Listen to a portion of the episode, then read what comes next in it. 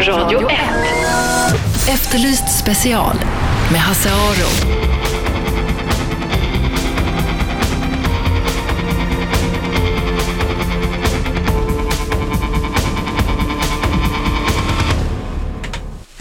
Efterlyst special eh, lyssnar ni på alltså 101,9 Radio 1. Ett märkligt mordfall går nu mot sin rättsliga upplösning i Malmö. Det är fyra personer som är åtalade för mord och underlåtenhet att avslöja mord. Det handlar om en 56-årig mamma, hennes 28-årige dotter, ytterligare en kvinna och en man som är åtalade för mordet på 48-årige Charles Limerius på Kantatgatan i Malmö. Ett mord som vi har haft upp i Efterlyst flera gånger och ett mord som har gått under rubriken Kantatgatemordet. Det här mordet var länge en gåta för polisen. Charles Limerius var en helt vanlig medborgare utan några som helst fiender. Ändå sköts han kallblodigt ner med sex skott utanför sin bostad den 3 januari i år. En ren avrättning helt enkelt, något som vi normalt ser bara i kriminella sammanhang. Och när den nu åtalade mamman och hennes dotter fick besked om mordet skrev de ett sms till den tredje kvinnan. Nu korkar vi upp champagnen. Men problemet var att fel man mördats, allt enligt åklagarens teori. Bakgrunden ska enligt åklagaren vara hämnd. Eh, men fel man mördades alltså. Det tilltänkta offret var en 54-åring som mördade den 26-åriga dotterns pappa. Han har tidigare gjort det alltså. Samma man ska även ha våldtagit den tredje kvinnan. Enligt åklagaren planlade de tre kvinnorna mordet och anlitade en 28-årig man för att utföra det. Och han skulle alltså ha skjutit eh, fel man. Eh, Pelle Tagesson är legendarisk kriminalreporter på Aftonbladets redaktion i Malmö. Och Pelle, du har följt det här ärendet. Vad är det som har hänt? Ja, det som har hänt är ju nu att de här fyra har blivit åtalade för inblandning i mordet. Och rättegången kommer väl att börja här i förmodligen nästa vecka. Mm. Det här mordet var ju väldigt märkligt när det inträffade och polisen var mer eller mindre handfallen. Ja, man förstod ju inte riktigt varför Charles Lemerius mördades. Han var ju en datakonsult, basketlegend och hade inga fiender och inga kriminell, ingen kriminell bakgrund alls. Nej, och mordet var ju utfört på ett sådant sätt att man, man drog paralleller till, till eh, kriminella uppgörelser. Ja, det såg ju ut så. Jag var där på plats redan när det hände, precis efter att det hände och uh, han var ju avrättad utanför sitt eget hus. Det var liksom helt obegripligt. Mm, och att, att, att den som sköt sköt för att döda, det var helt uppenbart. Det är helt klart. Han avlossade sex skott mot honom, bland annat i huvudet och vid bålen. Mm. Vad var det, vet du vad det var som gjorde att polisen kom de här kvinnorna och den här mannen på spåret till sist? Ja, det var väl egentligen en ren tillfällighet. Den här 28-årige killen som är, är eh, åtalad för mordet stoppades av polisen i ett helt annat sammanhang och då gjorde man husrannsakan hemma hos honom och hittade då ett vapen som kunde sättas i samband med, med skjutningen av Demerus. Mm. Och på den vägen rullades det upp? Ja, så knöt man då kontakterna, hans kontakter och hittade då att han hade förhållande med, med en kvinna, en 28-årig kvinna. Och hennes pappa mördades 1992 utav en, en man som bodde på samma adress som Charles. Mm. Eh, den här mannen då, eh, han, eh, han är, det är inte Guds bästa barn om man säger så? den, det tilltänkta mordoffret är inte Guds bästa barn. Han har hundratals eh, brott som han är dömd för. Mm. Eh, och, och eh, du var ju med på, och de väckte åtal i veckan. Hur ser bevisningen ut, tycker du? Ja, enligt åklagaren så är det ingen tvekan utan bevisningen är, är mycket stark. Va? Och man har ju slagit fast att uh, den mördaren fanns på plats. Han, hans bil stod kvar där och man har bra bevis mot honom. Mm. Man har också telefonkontroller som visar att han har haft kontakt med de här tre kvinnorna och det, det finns rätt stark bevisning, ja. Mm. Eh, normalt i sådana här fall så är bevisningen mot den som har skjutit kanske lättare att få tag och det svårare är kanske att, att få till den här eh, konspirationen, det här samarbetet mellan de tre. Ja, i början var de ju, de satt ju, satt ju häktade också misstänkta för anstiftan till mord och det har ju åklagaren ändrat till medhjälp till förberedelse. han har konstaterat att eh, de här kvinnorna har kartlagt eh, det tilltänkta offret, tagit reda på allt om honom, var han bodde och hur han såg ut och att han dessutom skulle friges villkorligt från ett fängelsestraff. Han frigavs bara några dagar innan det här mordet. Finns det någon förklaring, kan du se någon förklaring till varför man sköt fel man? Var de lika på något sätt? Ja, det fanns ju likheter. Mördaren, mördaren hade ju aldrig sett eh, den han skulle döda utan han, han hade ju fått uppgifter på hur han skulle se ut och ja, han sköt fel gubbe. Mm. Vad är den här killen nu som är åtalad för själva mordet, vad är det för någon? Ja, jag vet inte speciellt mycket om honom egentligen men han hade ju ett förhållande med, eh, med eh, den här 28-åriga kvinnan. Han eh, är själv familjefar och... Men hur hans kriminella bakgrund ser ut vet jag faktiskt inte. Nej, eh, men vad jag förstår så är han inte, han är inte dömd för några allvarliga brott tidigare. Inte vad jag vet, nej. Nej. Eh, vill ni, ni lyssnar alltså på Efterlyst special. Vi pratar med den legendariska kriminalreporten Pelle Tagesson i Malmö. Jobbar på Aftonbladets redaktion där i Malmö. Detta med anledning av ett mordfall som nu går mot sin rättsliga upplösning. Det är fyra personer som åtalas för ett mord och eh, för underlåtenhet att avslöja mord. Det handlar om en 56-årig mamma, hennes 28-årig dotter, ytterligare en kvinna och eh, en man som är åtalade för mordet på 48-årige Charles Limerius på Kantatgatan i Malmö. Eh, enligt åklagaren så var eh, mordet ett misstag. Det var en annan man, en 54-årig man som i Aftonbladet då kallas för Benny som egentligen var det tilltäckta offret. Och den här Benny skulle ha mördat en av kvinnornas pappa och våldtagit den andra kvinnan. Eh, det här ärendet, Pelle, det har ju vissa kopplingar till Peter Mangs, serieskytten och mördaren som blev dömd nyligen. Under rättegången eh, med Mangs så framgick att han vid fem tillfällen har befunnit sig utanför dörren till, till eh, den här kriminella killen som skulle, som skulle mördas. Och Mangs har, har sagt att hans avsikt var att skjuta genom dörren där. Han var där eh, med sin skyddsväst och sitt vapen. Mm. Vad va, va, vad hände då? Det blev aldrig något. Nej, han, den här mannen satt eh, i fängelse då, vilket Mangs inte visste. Så han var inte hemma. Eh, men jag vet att den här eh, 54-åringen, alltså han som då var det tilltänkta offret i det här fallet och som hade, han hade ju två mördare efter sig. Eh, han har ställt upp i en intervju eh, med anledning av Mangs-kopplingen. Eh, var det du som gjorde den? Jag träffade honom i somras, ja. Ja, vad säger han då? Ja. Han säger att han kan ju inte förstå någonting av det här. Jag har inga fiender, säger han. Han är inte i min vildaste fantasi kan jag tro att någon vill mörda mig. Det li- låter lite märkligt från en man som, för han är ju dömd för det här mordet och, och våldtäkterna. Ja, det här är en man som har långt förflutet som kriminell och som är narkoman och han vill väl inte inse att han fått, fått fiender på vägen. Nej. Man kan ju tycka att det är lite märkligt att han har sån tur. Kan, kan man tycka. Han, han satt inne då, det var väl tur ja. Ja, men att han hade två, alltså två från varandra helt skilda eh, mördare som var ute efter honom och, och båda missar så att säga. Ja, han står nu som målsägande i den här rättegången. Du har ju varit med i Malmö länge, Pelle. Och eh, rapporterat om olika kriminalfall där. Det här är, måste ändå vara en av de mest mera ovanliga fallen som du har hört talas om. Ja, det här är ju otroligt speciellt. Att man, man skjuter fel människa. Jag menar, vi har haft många mord här i, och det, det handlar ju oftast om kriminella uppgörelser och det här är ju helt unikt. Mm. Eh, har det blivit värre i Malmö de senaste åren?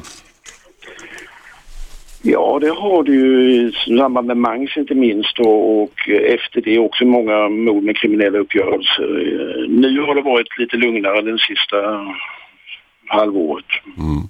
När det gäller Mang så var det ju många som diskuterade om hans motiv och en sak som jag tycker eh, kanske kom bort lite att alla som han eh, var ute efter var på något sätt, i alla fall i hans värld, brottslingar. Han var någon slags vit riddare som skulle rensa upp, eller? Ja, men han sköt, han sköt ju på totalt oskyldiga människor också. Mm. Men trodde han inte att de var skyldiga till något? Den uppfattningen har jag inte, nej. Det har du inte. Han, han, han är ju åtalad för, för för, för flera fall där han har skjutit på folk på busshållplatser och liksom helt okända människor. Mm. Okej Pelle, tack så mycket för att vi fick ringa dig. Eh, eh, Pelle Tagesson alltså som är legendarisk eh, kriminalreporter i Malmö, jobbat där i många år. Och vi pratade om ett rättsfall som pågår just nu, ett åtal som kom i Malmö nu i veckan, en mycket märkligt åtal. Det är fyra personer som är åtalade för inblandning i ett mord, mordet på 48-åriga Charles Limerius på Kantatgatan i Malmö. Det här mordet var länge en gåta för polisen. Charles Limerius var en helt vanlig medborgare utan några som helst fiender och ändå sköts han kallblodigt ner med sex skott utanför sin bostad den 3 januari i år. En, helt, en, en ren avrättning alltså. Och det här tillvägagångssättet ser vi då bara i kriminal, kriminella sammanhang. Och nu menar åklagaren att bakgrunden till detta var att de här fyra personerna, tre kvinnor, planerade en hämnd på en 54-årig man som i tidningarna kallas för Benny. Den här 54-åringen skulle ha mördat den ena kvinnans pappa, våldtagit den andra kvinnan och de hade i sin tur eh, lejt in en 28-årig man som utförde mordet och han sköt helt enkelt fel person. Åtalet väcktes nu i måndags. Eh, rättegången större gång förmodligen nästa vecka. En rättegång som vi kommer att följa. Ni lyssnar på Efterlyst special. Hasse Aro heter jag. Radio 101,9 är kanalen. Efter pausen ska vi byta ämne helt och hållet. Vi ska prata om en annan sak, nämligen barn som är utsatta för människohandel. Det har kommit en rapport i veckan som har kartlagt detta, eh, hur det ser ut i Sverige. 166 barn i Sverige var offer för människohandel mellan åren 9 och 11. 166 barn mellan 3 och 17 år gamla. Det här visar den här rapporten alltså som Länsstyrelsen i Stockholm har beställt. Av de här barnen så kom två tredjedelar från utlandet, en tredjedel var svenskar, hälften flickor, hälften pojkar. Och de här har då tvingats utföra eh, massa saker. Hälften av barnen har då använts för sex andra halvan har varit eh, tvingade till stöld, tiggeri eller andra arbeten. Det här ska vi prata mera om efter pausen, så stanna kvar. Radio 1. Efterlyst special med Hasse Aro.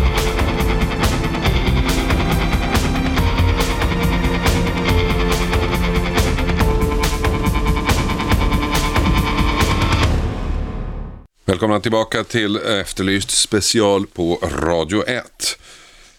166 barn var offer för människohandel mellan åren 2009 och 2011. 166 barn mellan 3 och 17 år. Det här visar en rapport som Länsstyrelsen beställt, Länsstyrelsen i Stockholm. Av de här barnen så kom två tredjedelar från utlandet och en tredjedel var svenskar. Hälften flickor, hälften pojkar. I hälften av fallen så har barnen tvingats till sexhandel. De andra har tvingats till stöld, tiggeri eller annat arbete. Och utredaren Inger Åkerman sammanfattar den här rapporten med att situationen är betydligt allvarligare än vad som tidigare har varit känt, säger hon. Den presenterades då för Länsstyrelsen i Stockholm. Patrik Sedelöv, du kommer därifrån. Det är ni som har beställt den här rapporten. Ja, stämmer bra det. Varför just eh, Länsstyrelsen i Stockholm? Länsstyrelsen i Stockholm har sedan eh, januari 2009 ett antal nationella uppdrag när det gäller just arbetet mot prostitution och människohandel. Eh, och under åren kan man väl säga att det har kommit ja, stötvis med information kring situationen gällande barn, minderåriga, som mm. är utsatta för den här typen av verksamhet. Mm. Den här utredningen, då startar den på eget initiativ då för att få en blick, över, överblick? Det har alltid, alltså, som jag sa, att det, det, kommer indikatorer, det kommer information från olika håll och det finns ju många organisationer som arbetar med den här frågan specifikt och ett starkt barnperspektiv har vi, har vi även inom myndigheterna. Men som sagt det har inte funnits någon samlad information. Det är ingen som har samlat in alla de här stötvis kommande informationerna i ett. Och det var väl ett försök till att göra det som vi gjorde den här kartläggningen då. Mm. Eh, viktigt att poängtera också är att det är ingen vetenskaplig forskning, det är en kartläggning. Eh, frågan har gått ut och svaren vi har fått är från cirka 75 procent av Sveriges kommuner. Mm. Eh, socialtjänsten med andra ord. Så att det man kan säga här och som jag tror är viktigt att nämna också det är det att det, är, det här är 166 ärenden det är där man misstänker att barnen mm. skulle kunna varit utsatta för människohandel. Men det här är ju då 166 ärenden som säger är kända för myndigheterna. Mm. Vad, vad, är den verkliga siffran tror man? Hur stort är mörkeltalet? Svårt att säga någon exakt siffra, men jag tycker att kan man få in 166 ärenden där en socialsekreterare har gjort den här bedömningen så skulle jag vilja säga att eh, mörkertalet är nog relativt stort för att det är mm. som sagt var många av de barnen som vi träffar på i, i andra situationer och som andra myndigheter träffar på eh, har inte någon kontakt med socialtjänsten överhuvudtaget. Nej, för man kan väl tänka sig att barn som har hamnat i den här situationen att de flesta av dem, det här kanske är en fördom som jag har, men att de flesta av dem inte kommer i kontakt med myndigheterna. Så det stämmer ganska bra det och det handlar ju dels om att vi inom svenska myndigheter behöver bli bättre och veta hur vi ska agera. Vi behöver mm. bli bättre på att samverka och ta hjälp av varandra för att vi har ju som sagt var olika mandat och olika uppgifter. Ehm, och sen tittar man då dessutom på ensamkommande flyktingbarn som är en tredjedel av de här 166 när man tittar på det. Ehm, så kan man säga att ökningen sedan 2009. 2009 kom det cirka 2000 ensamkommande flyktingbarn. Mm. I år, vad jag, den siffran jag har, är det 4000. Och där är vad jag förstår, när det gäller ensamkommande flyktingbarn, ett problem är att de försvinner.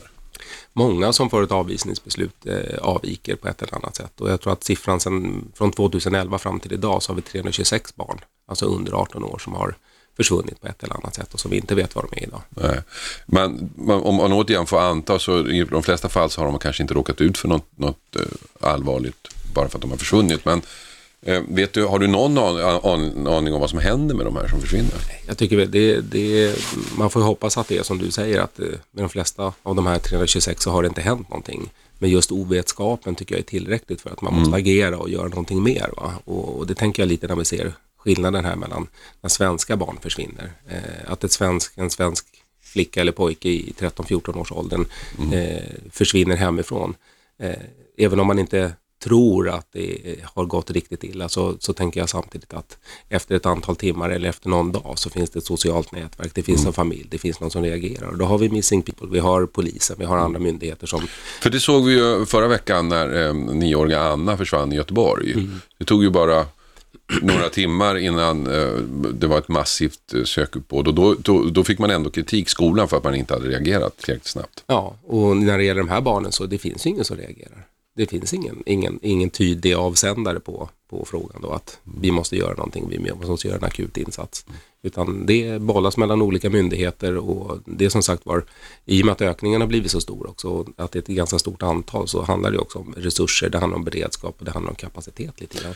Men jag som har jobbat med, med eh, kriminella frågor ganska länge nu, har ju en känsla av att när, när det försvinner ett barn med invandrarbakgrund, särskilt om den inte har några kopplingar till Sverige, så, så dröjer det, alltså så är utgångspunkten att det här är nog inte så farligt. Det dröjer ganska länge innan man så att säga reagerar med full kraft. Och åtminstone ett fall som jag känner till så, så fick ju det förödande konsekvenser.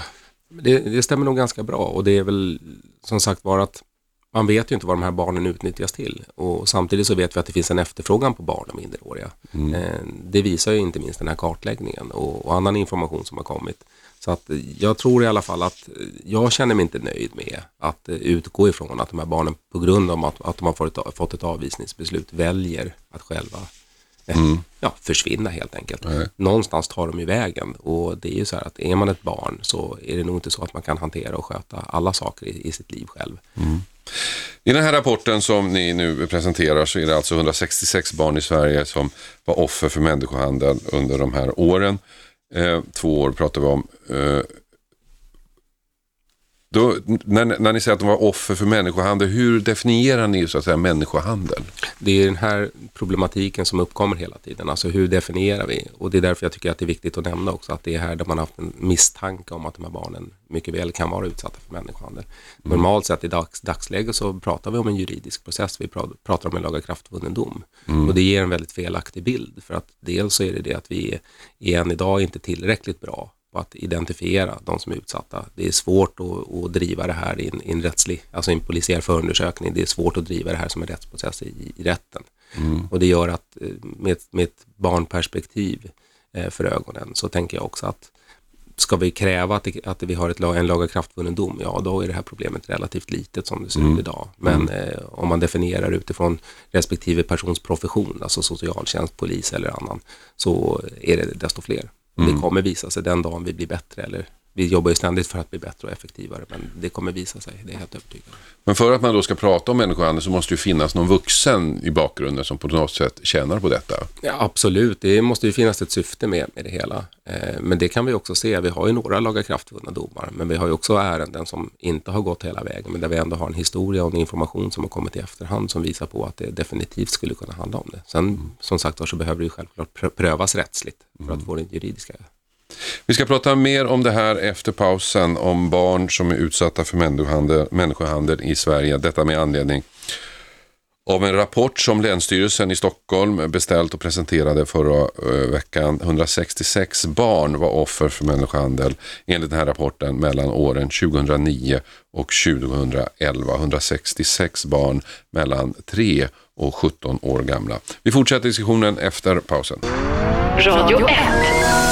Efterlyst special med Hasse Aro.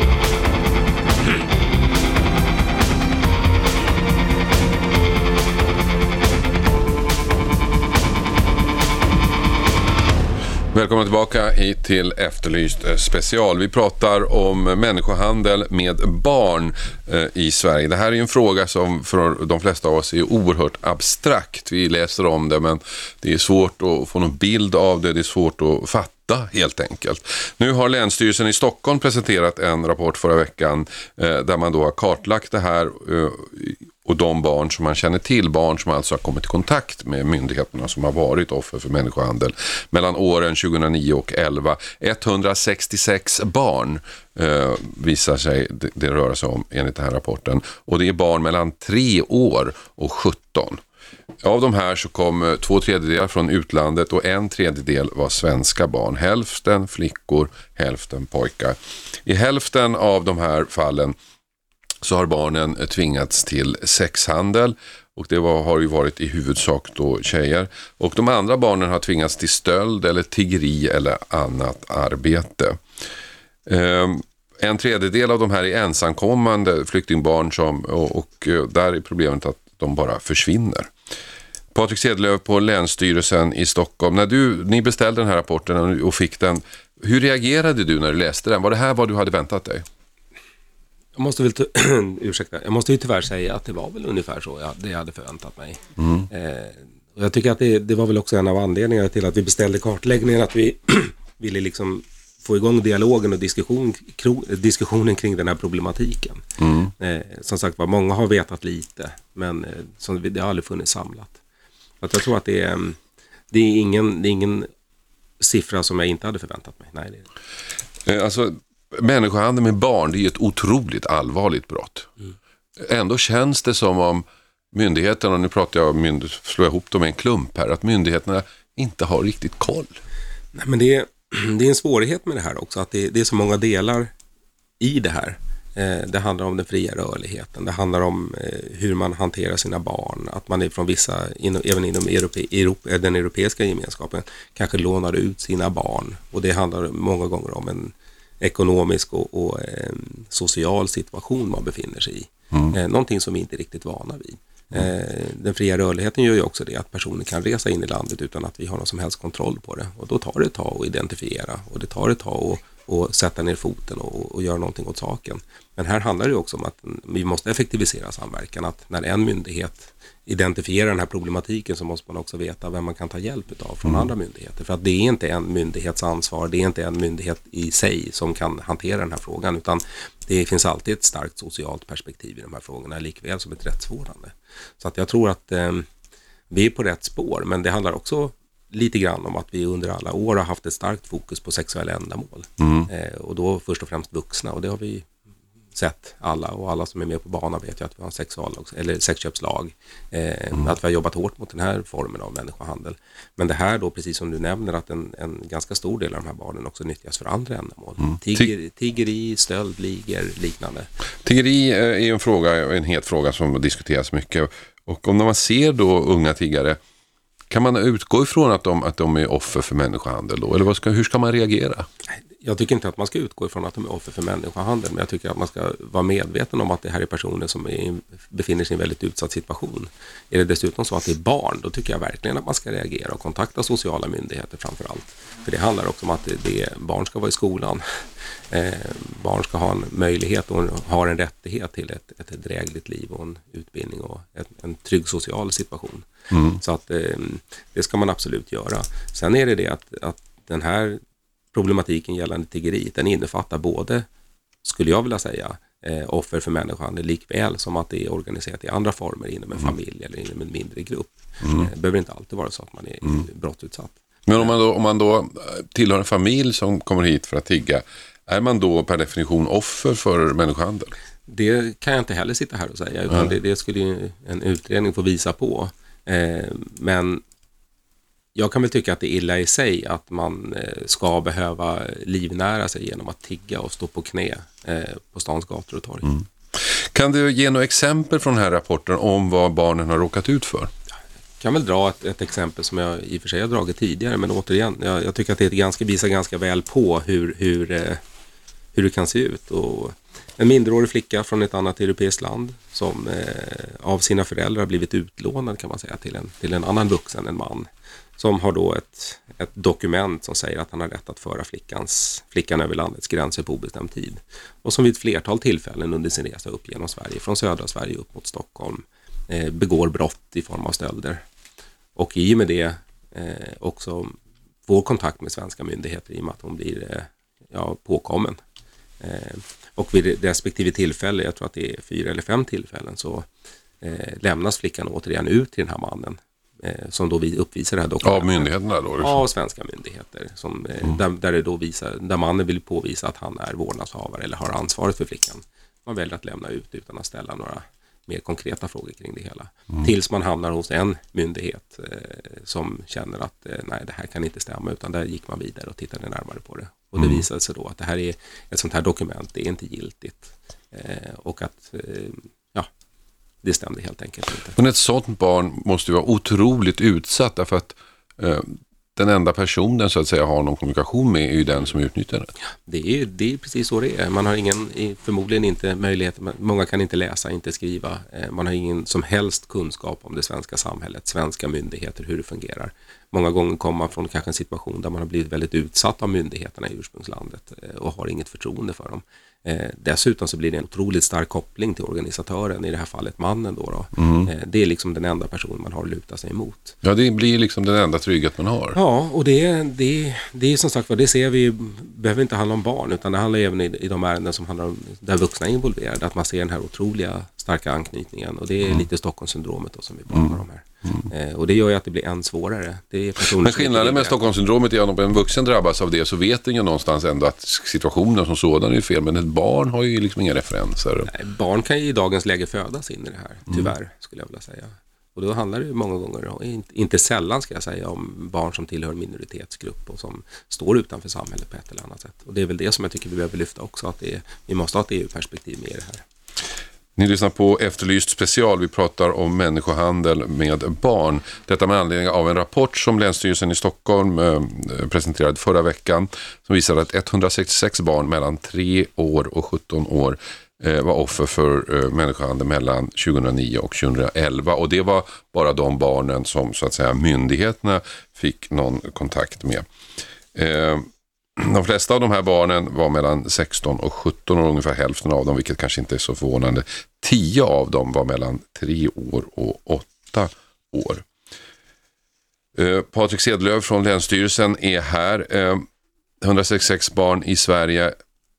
Är det om man tittar på Europa eller Västeuropa, är det här en hög siffra eller låg? Eller vet du någonting om det? Nej, jag, jag måste säga, jag har, vi har inte gjort några jämförelser, men däremot fenomenet om man tittar nu på kriminella ligor som nyttjar barn, tiggeriverksamhet och liknande, så vet vi att Sydeuropa har haft en ganska star, stor problematik med det här tidigare. Mm. Och det är väl där också som att eh, vi kanske skulle kunna varit bättre förberedda. Mm. Eh, den ekonomiska situationen nu ute i Europa gör ju också att de här personerna inte kan driva sin verksamhet i de länder där man har drivit det tidigare, utan nu tar man sig längre och längre norrut. Det här är ingen, inget fenomen som är eh, vad ska jag, specifikt för Sverige. utan Jag menar både Finland, Norge och Danmark har ju en liknande problematik. Men barn kommer från andra länder till Sverige och blir utnyttjade på olika sätt. Men det fanns också den här gruppen av 166 barn så var en tredjedel svenska barn. Och då undrar man hur, hur går det till och varför svenska barn är ju ändå registrerade, finns i Sverige och sådär. Hur, hur kan detta ske? Det, man ska väl också komma ihåg här att, att eh, människohandelsbrottet, det kräver inte heller ett gränsöverskridande. Och det är väl någonting som eh, jag tror många glömmer bort ibland. Man tänker hela tiden att det måste vara ett barn från ett annat land eller en person från ett annat land. Men det, det är faktiskt inte så. Eh, och här kan man väl också se att barn utnyttjas på olika sätt. Eh, sexuella ändamål till exempel, att det är minderåriga som säljs. Ehm, och här är väl återigen det som du var inne på från början, här definitionsfrågan. Alltså pratar vi handel med människor eller pratar vi människohandelsbrottet? Det är, där tror jag också är viktigt att göra en distinktion och, och verkligen fundera över det. Ehm, jag tycker inte alltid att det behöver vara en, en eh, juridisk process som avgör om det här handlar om människohandel eller inte, utan jag tror att, eller jag vet att många med mig som jobbar professionellt med frågan också faktiskt många gånger ser och är övertygade om att vi pratar människohandel även om det inte skulle hålla hela vägen. I den här rapporten som presenteras då ett tiotal punkter på vad man ska göra åt det här problemet. Och eh, det är till exempel utöka det nationella stödet för barn som utsätts för människohandel, förtydliga socialtjänstens ansvar, utöka socialtjänstens kompetens, motverka att barn försvinner. Det här låter sig ju sägas och det är ganska allmänna åtgärder. Eh, Det, det är liksom inte några, det finns inga handfasta tio punkter och så är det klart. Och det Nej. visar väl kanske lite grann hur svårt det här problemet är. Ja, man får, det visar ju på komplexiteten lite grann, men, men först och främst så kan jag ju säga att med erfarenhet då, som nationell samordnare mot prostitution och människohandel så tycker jag att genom information, genom utbildningsinsatser, genom att låta myndigheter träffas och förstå hur man kan samverka och hur man kan hjälpa varandra för att effektivisera det här så kommer man ganska långt. Eh, Jag tror mer att det handlar om att vi ska våga se fenomenet eller problematiken och verkligen också få möjlighet att sätta ner foten. Att Vilken myndighet tror du att det är som liksom så att säga ligger närmast problemet, som, som är de som kanske bäst eller först skulle kunna upptäcka det här? Är det socialtjänsten? Att upptäcka det här, jag menar, det, där har vi både Migrationsverket, polis och socialtjänst. Frivilliga organisationer har ju också en stor roll i det här, som arbetar mot papperslösa och liknande. Men samtidigt så tänker jag att, att jag skulle hellre vilja att man pratar om helheten, eh, mer ett holistiskt perspektiv och säger att polis, socialtjänst, åklagare, Migrationsverk behöver jobba tillsammans, tillsammans med frivilliga organisationer. Vi måste göra det här tillsammans och var och en måste dra sitt strå till stacken, det är det viktiga. Och framför allt att vi inte tänker, fortsätter att tänka som att vi pratar om våra barn och andras ungar. För att jag tycker att det är lite den tendensen idag, att man, precis som du också har nämnt tidigare idag, att eh, varför letar man inte lika starkt efter de här barnen eller, eller lägger lika mycket tid och engagemang på de här barnen eh, som man gör på svenska barn. Tack så mycket Patrik Sedlöv från Länsstyrelsen i Stockholm som kom hit till Efterlyst special för att berätta om en rapport som Länsstyrelsen i Stockholm eh, presenterade förra veckan. En rapport om människohandel med barn. Eh, rapporten visar att 166 barn i Sverige var offer för människohandel mellan åren 2009 och 2011. 166 barn mellan 3 och 17 år. Efterlyst special är tillbaka efter pausen. Radio 1. Efterlyst special med Hasse Aro.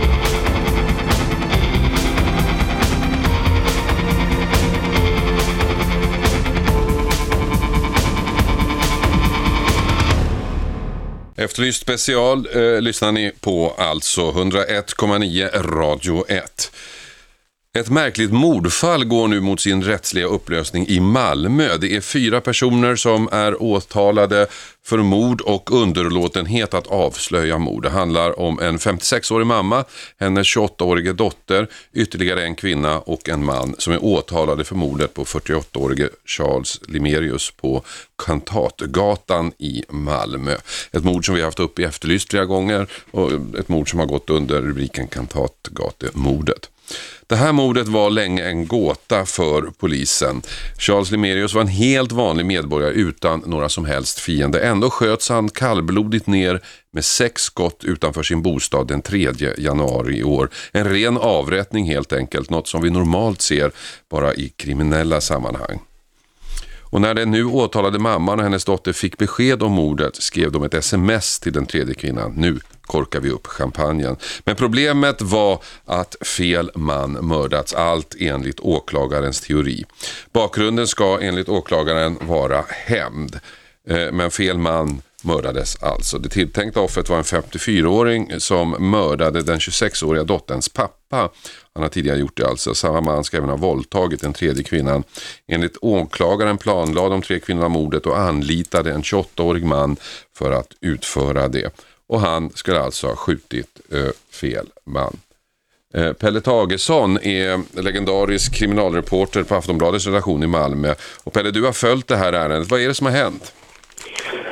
Ja, det som har hänt är ju nu att de här fyra har blivit åtalade för inblandning i mordet. Och rättegången kommer väl att börja här i förmodligen nästa vecka. Mm. Det här mordet var ju väldigt märkligt när det inträffade och polisen var mer eller mindre handfallen. Ja, man förstod ju inte riktigt varför Charles Lemerus mördades. Han var ju en datakonsult, basketlegend och hade inga fiender och inga kriminell, ingen kriminell bakgrund alls. Nej, och mordet var ju utfört på ett sådant sätt att man, man drog paralleller till, till kriminella uppgörelser. Ja, det såg ju ut så. Jag var där på plats redan när det hände, precis efter att det hände och uh, han var ju avrättad utanför sitt eget hus. Det var liksom helt obegripligt. Mm, och att, att, att den som sköt sköt för att döda, det var helt uppenbart? Det är helt klart. Han avlossade sex skott mot honom, bland annat i huvudet och vid bålen. Mm. Vad var det, vet du vad det var som gjorde att polisen kom de här kvinnorna och den här mannen på spåret till sist?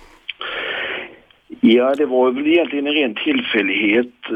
Den här 28-årige killen som är, är eh, åtalad för mordet stoppades av polisen i ett helt annat sammanhang och då gjorde man husrannsakan hemma hos honom och hittade då ett vapen som kunde sättas i samband med, med skjutningen av Demerus. Mm. Och på den vägen rullades det upp? Ja, så knöt man då kontakterna, hans kontakter och hittade då att han hade förhållande med, med en kvinna, en 28-årig kvinna. Och hennes pappa mördades 1992 utav en, en man som bodde på samma adress som Charles. Mm. Eh, den här mannen då, eh, han, eh, han är, det är inte Guds bästa barn om man säger så? Den, det tilltänkta mordoffret är inte Guds bästa barn. Han har hundratals eh, brott som han är dömd för. Mm. Eh, och, och eh, du var ju med på, och de väckte åtal i veckan. Hur ser bevisningen ut, tycker du? Ja, enligt åklagaren så är det ingen tvekan utan bevisningen är, är mycket stark. Va? Och man har ju slagit fast att uh, den mördaren fanns på plats. Han, hans bil stod kvar där och man har bra bevis mot honom. Mm. Man har också telefonkontroller som visar att han har haft kontakt med de här tre kvinnorna och det, det finns rätt stark bevisning, ja. Mm. Eh, normalt i sådana här fall så är bevisningen mot den som har skjutit kanske lättare att få tag och det svårare är kanske att, att få till den här eh, konspirationen, det här samarbetet mellan de tre. Ja, i början var de ju, de satt ju, satt ju häktade också misstänkta för anstiftan till mord och det har ju åklagaren ändrat till medhjälp till förberedelse. Han har konstaterat att eh, de här kvinnorna har kartlagt eh, det tilltänkta offret, tagit reda på allt om honom, var han bodde och hur han såg ut och att han dessutom skulle friges villkorligt från ett fängelsestraff. Han frigavs bara några dagar innan det här mordet. Mm. Finns det någon förklaring, kan du se någon förklaring till varför man sköt fel man? Var de lika på något sätt? Ja, det fanns ju likheter. Mördan, mördaren hade ju aldrig sett uh, den han skulle döda utan han, han hade ju fått uppgifter på hur han skulle se ut och ja, han sköt fel gubbe. Mm. Vad är den här killen nu som är åtalad för själva mordet, vad är det för någon? Ja, jag vet inte speciellt mycket om honom egentligen men han hade ju ett förhållande med, eh, med eh, den här 28-åriga kvinnan. Han eh, är själv familjefar och men hur hans kriminella bakgrund ser ut vet jag faktiskt inte. Nej, eh, men vad jag förstår så är han inte, han är inte dömd för några allvarliga brott tidigare. Inte vad jag vet, nej. nej. Eh, ni, ni lyssnar alltså på Efterlyst special. Vi pratar med den legendariska kriminalreporten Pelle Tagesson i Malmö. Jobbar på Aftonbladets redaktion där i Malmö. Detta med anledning av ett mordfall som nu går mot sin rättsliga upplösning. Det är fyra personer som åtalas för ett mord och eh, för underlåtenhet att avslöja mord. Det handlar om en 56-årig mamma, hennes 28-årig dotter, ytterligare en kvinna och eh, en man som är åtalade för mordet på 48-årige Charles Limerius på Kantatgatan i Malmö. Eh, enligt åklagaren så var eh, mordet ett misstag. Det var en annan man, en 54-årig man som i Aftonbladet då kallas för Benny som egentligen var det tilltäckta offret. Och den här Benny skulle ha mördat en av kvinnornas pappa och våldtagit den andra kvinnan. Eh, det här ärendet, Pelle, det har ju vissa kopplingar till Peter Mangs, serieskytten och mördaren som blev dömd nyligen. Under rättegången eh, med Mangs så framgick att han vid fem tillfällen har befunnit sig utanför dörren till, till eh, den här kriminella killen som skulle, som skulle mördas. Mm. Och Mangs har, har, sagt att hans avsikt var att skjuta genom dörren där. Han var där eh, med sin skyddsväst och sitt vapen. Mm. Vad va, va, va hände då? Det blev aldrig något? Nej, han, den här mannen satt i fängelse då, vilket Mangs inte visste. Mm. Han var inte hemma. Sa alltså eh, den legendariska eh, kriminalreporten i Malmö, Pelle Tagesson, detta med anledning av eh, ett mordfall som nu går mot sin upplösning och sitt rättsliga efterspel. Eh, Tre kvinnor och en man är åtalade för att ha mördat en person och enligt åklagaren så var motivet hämnd. Problemet var att de sköt fel person. 101,9 Radio 1 Sveriges nya pratradio